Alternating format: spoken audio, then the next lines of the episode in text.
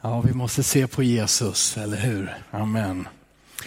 Ställer den här lite på sidan sådär.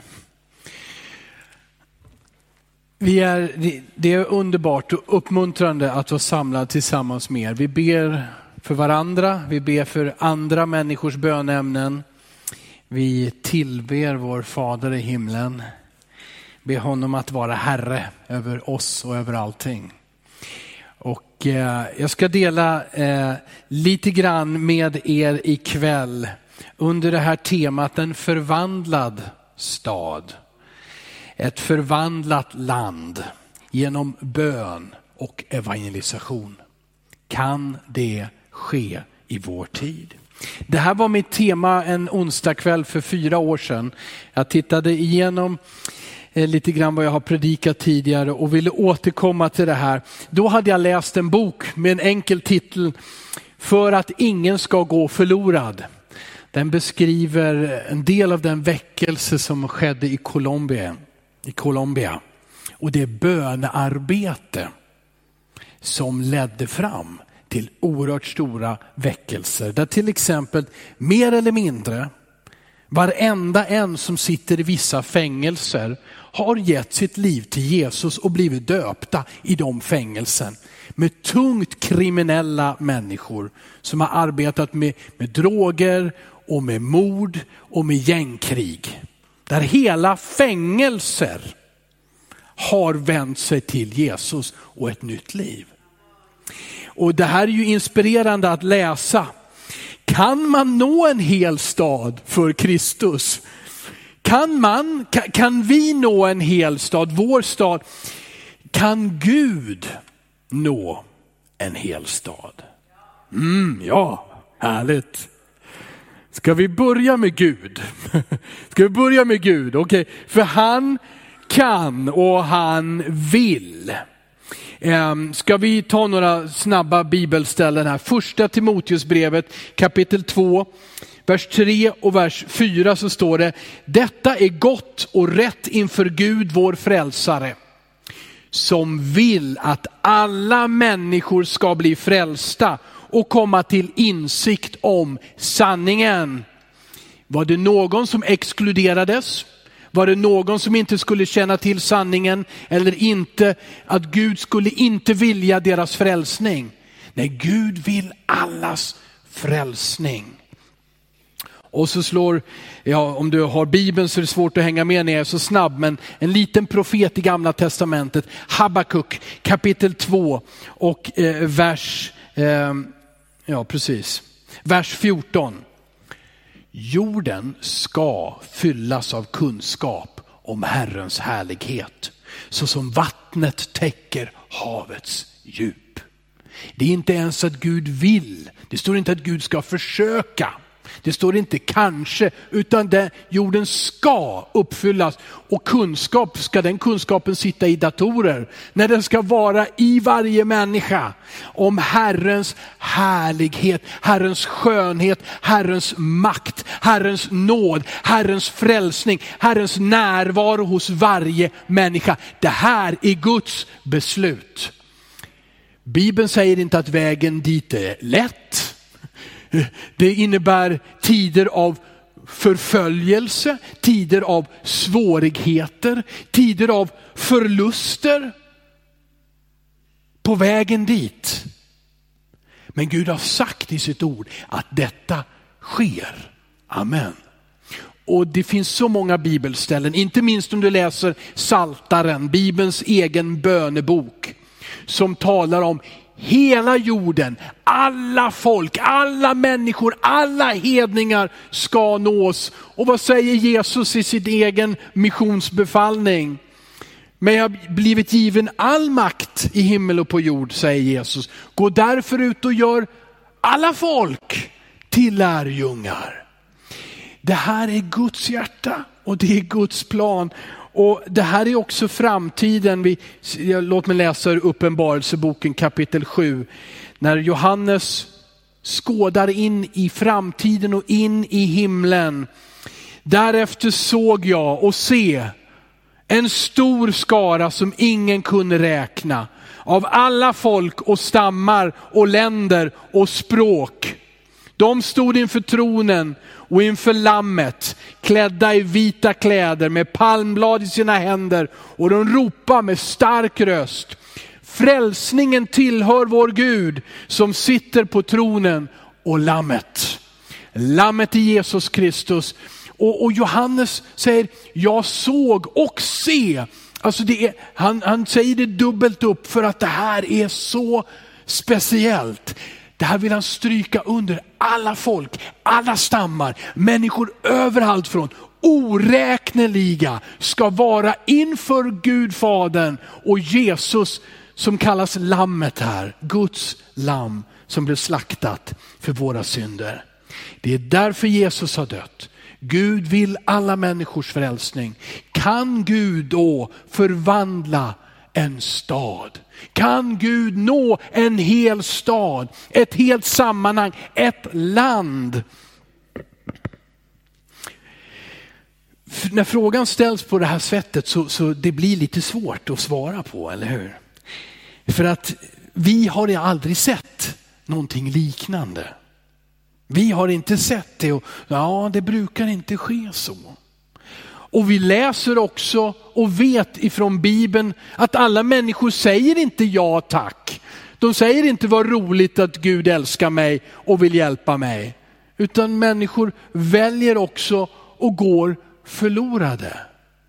Gud tvingar aldrig på sin kärlek, sin plan, sin hjälp. Han har en vision, en dröm, ett beslut om att frälsa, hjälpa, hela, vara med. Men han tvingar inte någon in i hans plan. Så kan man då nå?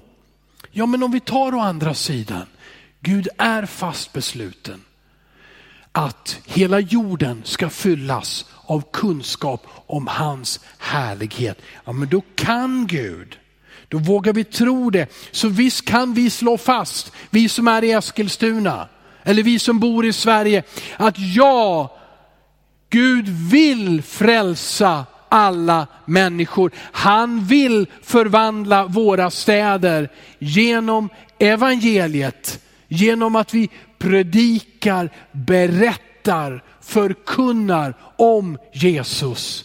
Genom att vi lever i hans kärlek och ger den till andra? Eller kan vi tänka oss att det finns en del av världen som Gud har glömt bort? Kan vi tänka oss att en del av världen vill Gud inte rädda? Finns det någon folkgrupp som Gud säger, nej, jag har inget intresse utav den folkgruppen. Men så är det inte. Matteus kapitel 24, talar om den sista tiden. Om de prövningar som kommer över jorden och över alla i den sista tiden. Och det står i Matteus 24, vers 13. Den som håller ut till slutet ska bli frälst. Och detta evangelium om riket ska förkunnas i hela världen till ett vittnesbörd för alla folk. Sedan ska slutet komma. Alla folk, alla människor ska få höra om Jesus, om Guds nåd. Alla ska nås av Guds kärlek. Ett vittnesbörd som ingen kan tala emot och säga, det kom ingen till oss, ingen berättade, vi hörde ingenting, vi såg ingenting av Guds godhet. Utan alla folk och stammar finns i Guds hjärta och i Guds plan. Alla. Gud kan nå och förvandla en hel stad. Han kan göra det med Eskilstuna. Han kan göra det i Mälardalen. Där många säger om Mälardalen, den här mittendelen av Sverige med flera stora städer. Och många säger att på ingenstans, ingenstans på hela jorden är det så få människor som tror på Gud som i de här trakterna. Nu talar jag inte just om Jesus, för det finns länder som är väldigt stängda för budskapet om Jesus. här, här finns det kyrkor i Mälardalen och här finns det församlingar, människor som tror och ber. Men detta att erkänna att det finns en Gud Och en Gud som är intresserad och där det är värt att leva ett liv för Gud. Då säger många, vet, som verkligen vet, att Mälardalen, där är det riktigt illa ställt med tron på Gud. Kan Gud förvandla Mälardalen? Vill han göra det? Amen. Men om vi ställer den andra frågan, kan vi nå en, helas, en hel stad, en hel landsdel? Ja, det är då det börjar bli krångligt, eller hur? I våra tankar. För vad har du och jag, vad har vi att erbjuda som är så speciellt? Coca-Cola lyckas mycket bättre med reklam, att vara känd i varje stad och varje land runt hela världen. Eh, vad har vi att erbjuda? Vad kan vi? Och, och har vi så bra strategier och har vi uthålligheten som behövs för att nå alla? Det finns rannsakande frågor att ställa. Är inte just splittringen i det som kallas för Kristi kropp, alltså alla kristna, är inte just splittringen ibland oss ett tecken på att vi inte kan förvandla en stad, en plats, en landsdel. De jobbar där, de är där, vi är här. Man jämför sig med varandra. Man tycker ofta vi är lite bättre än de andra. Vi har lite mera rätt än de andra. Men Paulus argumenterar med korinterna och säger, hur kan ni välja? Kan några av, oss, av er säga att den store Apollos, honom ska vi följa? Eller att några ska följa, säger, nej, vi ska bara följa Petrus, han är den bästa aposteln. Eller vi ska bara följa Paulus. Eller de riktigt andliga som sa, vi, vi följer Jesus, det är bara ni som håller på och följer olika apostlar. Och, och, och, och Paulus skriver, men är Jesus uppdelad? Så att några kan få en liten del och några andra och vi kan säga, han är vår men han är inte er. Så, och, och Korinthierbrevet tar upp denna en församling som hade mycket liv och mycket kraft, men som var splittrad. Och vi vet ju kyrkans historia över 2000 år.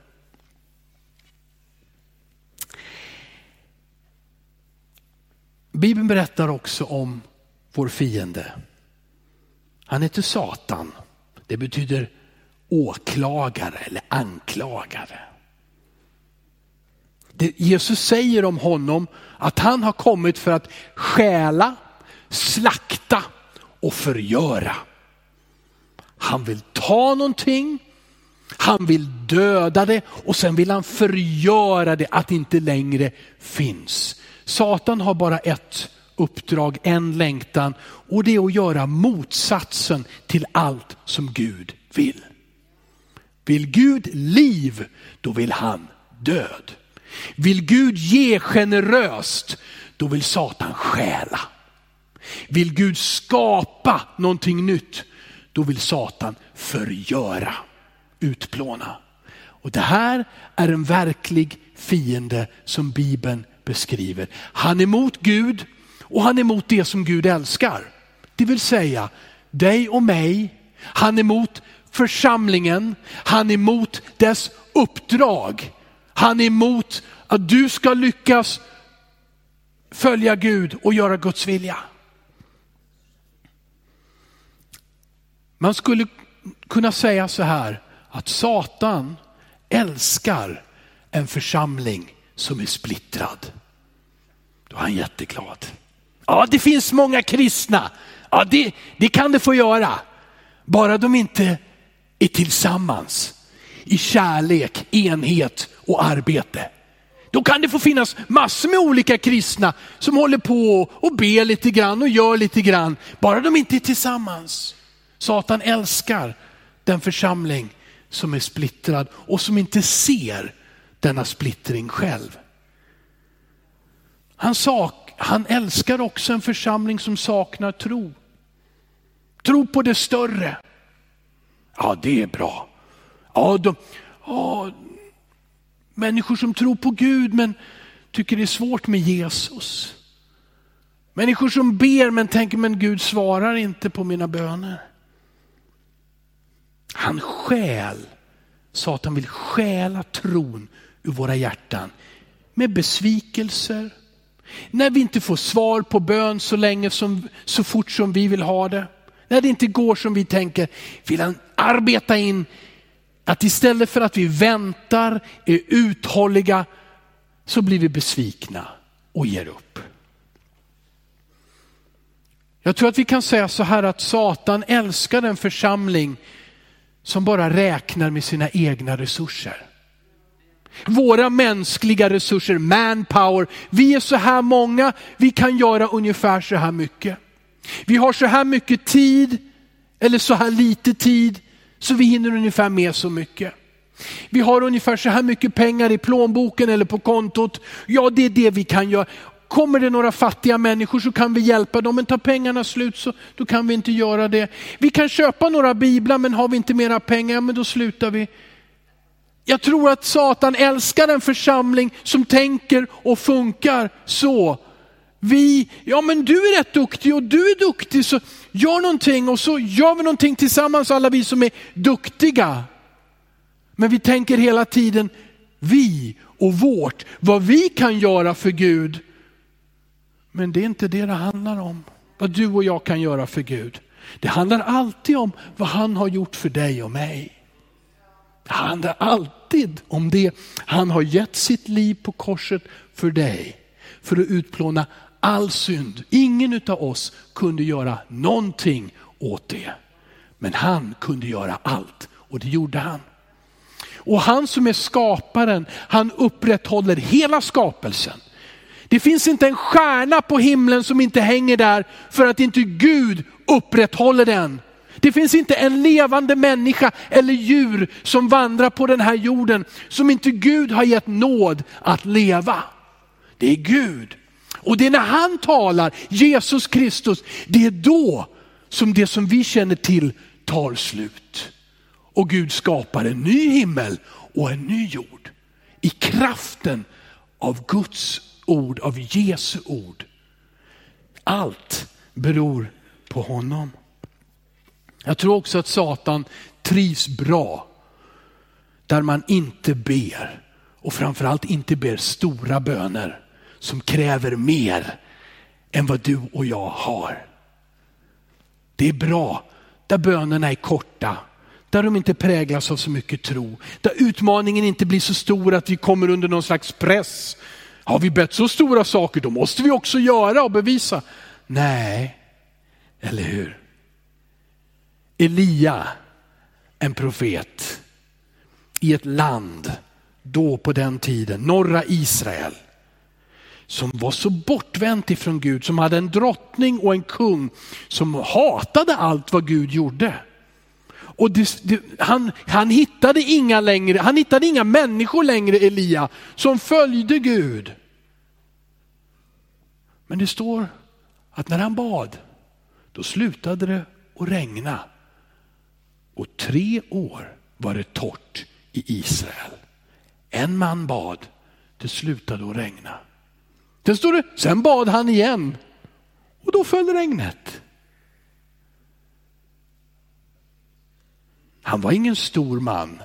Det står inte ens att han var meteorolog. Han hade ingen koll över vädret, lika lite som du och jag har det. Men han bad och Gud gjorde. Den onde trivs med människor och i en församling där man inte ber och där man inte ber stora böner. Så hur minskar vi det här glappet mellan att Gud kan förvandla en hel stad. Han kan fylla Eskilstuna med sin kärlek. Hur, hur minskar vi det där glappet mellan vad Gud kan och vill och, och detta att han ska använda dig och mig och våra begränsade resurser. Då säger en annan profet så här, Hesekiel kapitel 22 och vers 30. Det är Gud som talar genom profeten. Jag sökte bland dem efter någon som skulle bygga en mur och ställa sig i gapet inför mig till försvar för landet så att jag inte skulle fördärva det. Gud söker i denna tid dig. Han söker dig. Och så används en bild om en mur. Jerusalem och alla städer på den tiden hade en mur. Den kunde vara låg, den kunde vara hög, men man hade en mur. För vad hände med en by? Vad hände med en stad där det inte fanns en mur? Jo, den som ville gick in och ut som han eller hon ville. Och det gällde inte bara människor, det gällde också djur. En gång för tusen år sedan, när Sverige inte såg ut som det gör idag, när det bara var skogar över vårt land, då var det verkligen fullt av björnar och vargar. Och det var inte alls roligt och enkelt att resa från en plats till en annan igenom det här landet. Så byggde du, var du en viking eller någonting annat för tusen år sedan, och du hade en by så såg du till att du hade något slags av staket eller murliknande. För annars så kom de nattetid eller när de ville djuren och tog vad de ville. En stad utan en mur är en bild på ett land utan försvar. Och det handlar om att ställa sig i det där gapet, där det finns ett hål i muren ställa sig där och där tjäna Herren för att landet inte ska förgöras. Och Det handlar om bön och det handlar om att förkunna Guds ord, Guds löften, hålla fast vid dem. Det handlar om bön. Och det är, det är därför allting börjar med bön. Eh, Martin Luther och många andra har sagt på, på latin, ora et labora, be och arbeta. Be och evangelisera, be och predika Guds ord, be och tjäna Herren. Där, slut, där, där, där kan vi minska detta glapp mellan vad Gud vill i vår tid, med vår stad, med Sörmland, med Mälardalen, med Sverige, med vår värld. Glappet mellan vad Gud vill och vad vi tycker att vi kan. Genom bönen, genom att söka honom och ta med detta som jag nämnde förut, om splittring, om otro, om böner som bara handlar om mig och mitt och det jag behöver idag för att leva imorgon. Att Lämna det, lita på att Gud tar hand om dig och mig. Men att du är bestämd för någonting mycket större. Som inte handlar om att du ska överleva till imorgon och det ska gå bra för dig. Utan Gud säger, jag tar hand om dig. Jag älskar dig, så lita på mig. Men jag har någonting större för dig. Där du blir till en välsignelse och en del i detta, att Gud vill förvandla Eskilstuna med kärlek, med sanning, med upprättelse för människor och befrielse ifrån allt som binder och är mörkt. Det är Guds plan och vilja för varenda en. Inte bara att du kan säga, jag är frälst, vad bra, när jag dör så kommer jag till himlen. Utan att du tjänar Gud berättar om Jesus, vittnar, älskar, bygger upp. Det är Guds kallelse för dig och för mig. Börja med bön och vi återvänder till avslutning till första Timoteusbrevet där vi läste just detta att Gud vill alla människors frälsning. För då stod det i två verser innan så här, enkelt och klart. Paulus skriver till Timoteus, först av allt uppmuntrar jag till bön, åkallan, förbön och tacksägelse för alla människor. För kungar och alla i ledande ställning.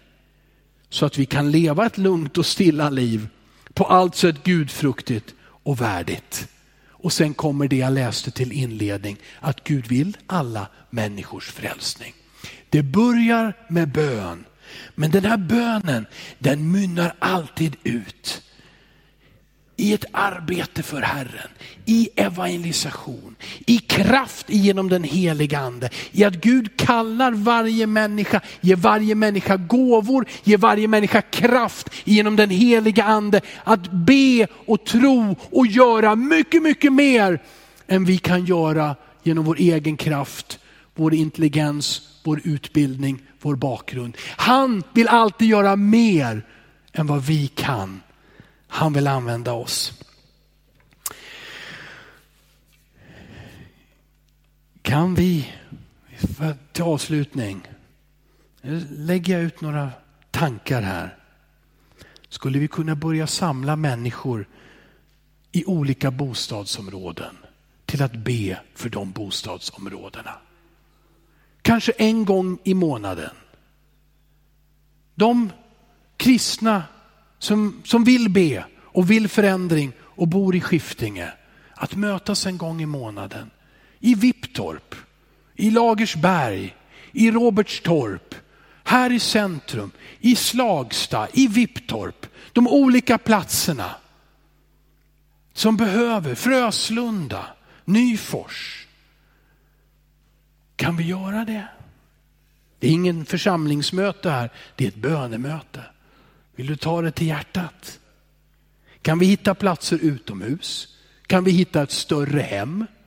Kan vi hitta en kvarterslokal som vi kan låna eller hyra? Att människor som bor där möts en gång i månaden och ber för sin bostadsdel. Nummer två. Kan vi börja be för olika fritidsgårdar där ungdomar samlas i Eskilstuna kommun? Kan vi börja be för dem? Du känner kanske till någon, du har gått förbi en ungdomsgård nära där du bor. Kan, vi börja, kan du börja be för den? Kan vi be för den? Be för de ungdomar. Vi vill, vi hoppas att få besöka varenda ungdomsgård i vår stad de kommande månaderna, framförallt i december, januari och bjuda in till en fantastisk kampanj. Det finns hopp på Stiga Arena. Vi vill se unga människor som får höra att det finns hopp för dem.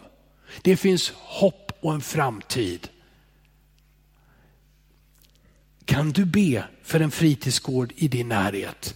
Vi är så glada för att vi får vara på en fritidsgård och hjälpa till med läxläsning för ungdomar som kämpar med skolan, för människor som är födda i utlandet och tycker svenskan är svår.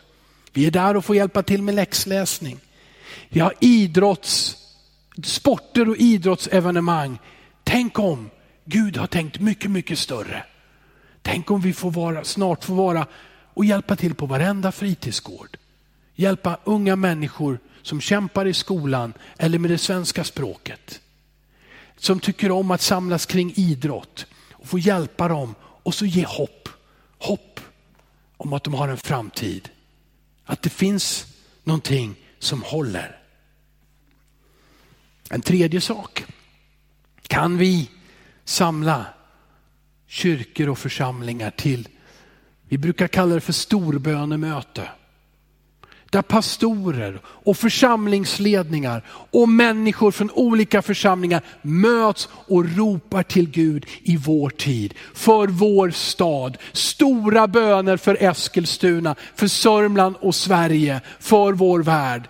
Kan vi nå detta? Kan vi samla det som är Kristi kropp runt Jesus, runt bönen, runt uppdraget och mötas på det här sättet för en förvandlad stad?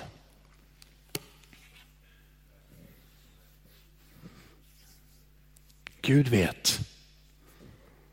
Jag vill. Jag tror att du vill att Gud föder tro i våra hjärtan. Vi är uthålliga.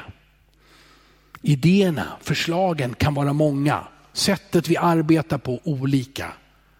Låt oss be att den heliga ande leder oss. Att vi gör det som är rätt i den här tiden. Ja. Kära Fader. Jag tackar dig för att du älskar varje människa. Jag tackar dig för att du drar varje människa till dig. Det här gör du genom andra av dina barn som ber, som förkunnar evangeliet, som berättar, som älskar människor som ingen annan älskar, som ber för dem som ingen annan ber för. Herre, du drar människor till dig för att förvandla deras liv. Tack för att det sker ikväll, här och runt om i världen. Du har inte tagit paus. Du har inte lagt dig för att sova. Du älskar nu, du frälser nu, du helar nu, du hjälper nu. Du är alltings Gud, alla möjligheters Gud. Herre, vi prisar och vi upphöjer dig. Vi hyllar dig och vi ber och så tar vi våra egna liv, vår tid, våra resurser, det vi är och det vi kan och så ger vi det till dig Herre. Det är ingenting i jämförelse med dig, men vi ger våra hjärtan till dig Herre. Ta mig Gud, ta oss Gud. Använd just mig för att tjäna dig. Herre jag ber dig, använd alla som ställer sig till förfogande, som vill tjäna dig. Och låt än en gång din heliga ande komma över var och en. Herre, till kraft och till vishet, till uthållighet. Herre, vi ropar till dig, vi behöver dig, att du helar din kropp på jorden till en enhet i kärlek och i sanning i den heliga ande. Trogen ditt ord och din vilja, hela din kropp över vårt land, i vår egen stad. Jag ber dig Herre. Jag ber i Jesu namn. Amen. Amen. Amen.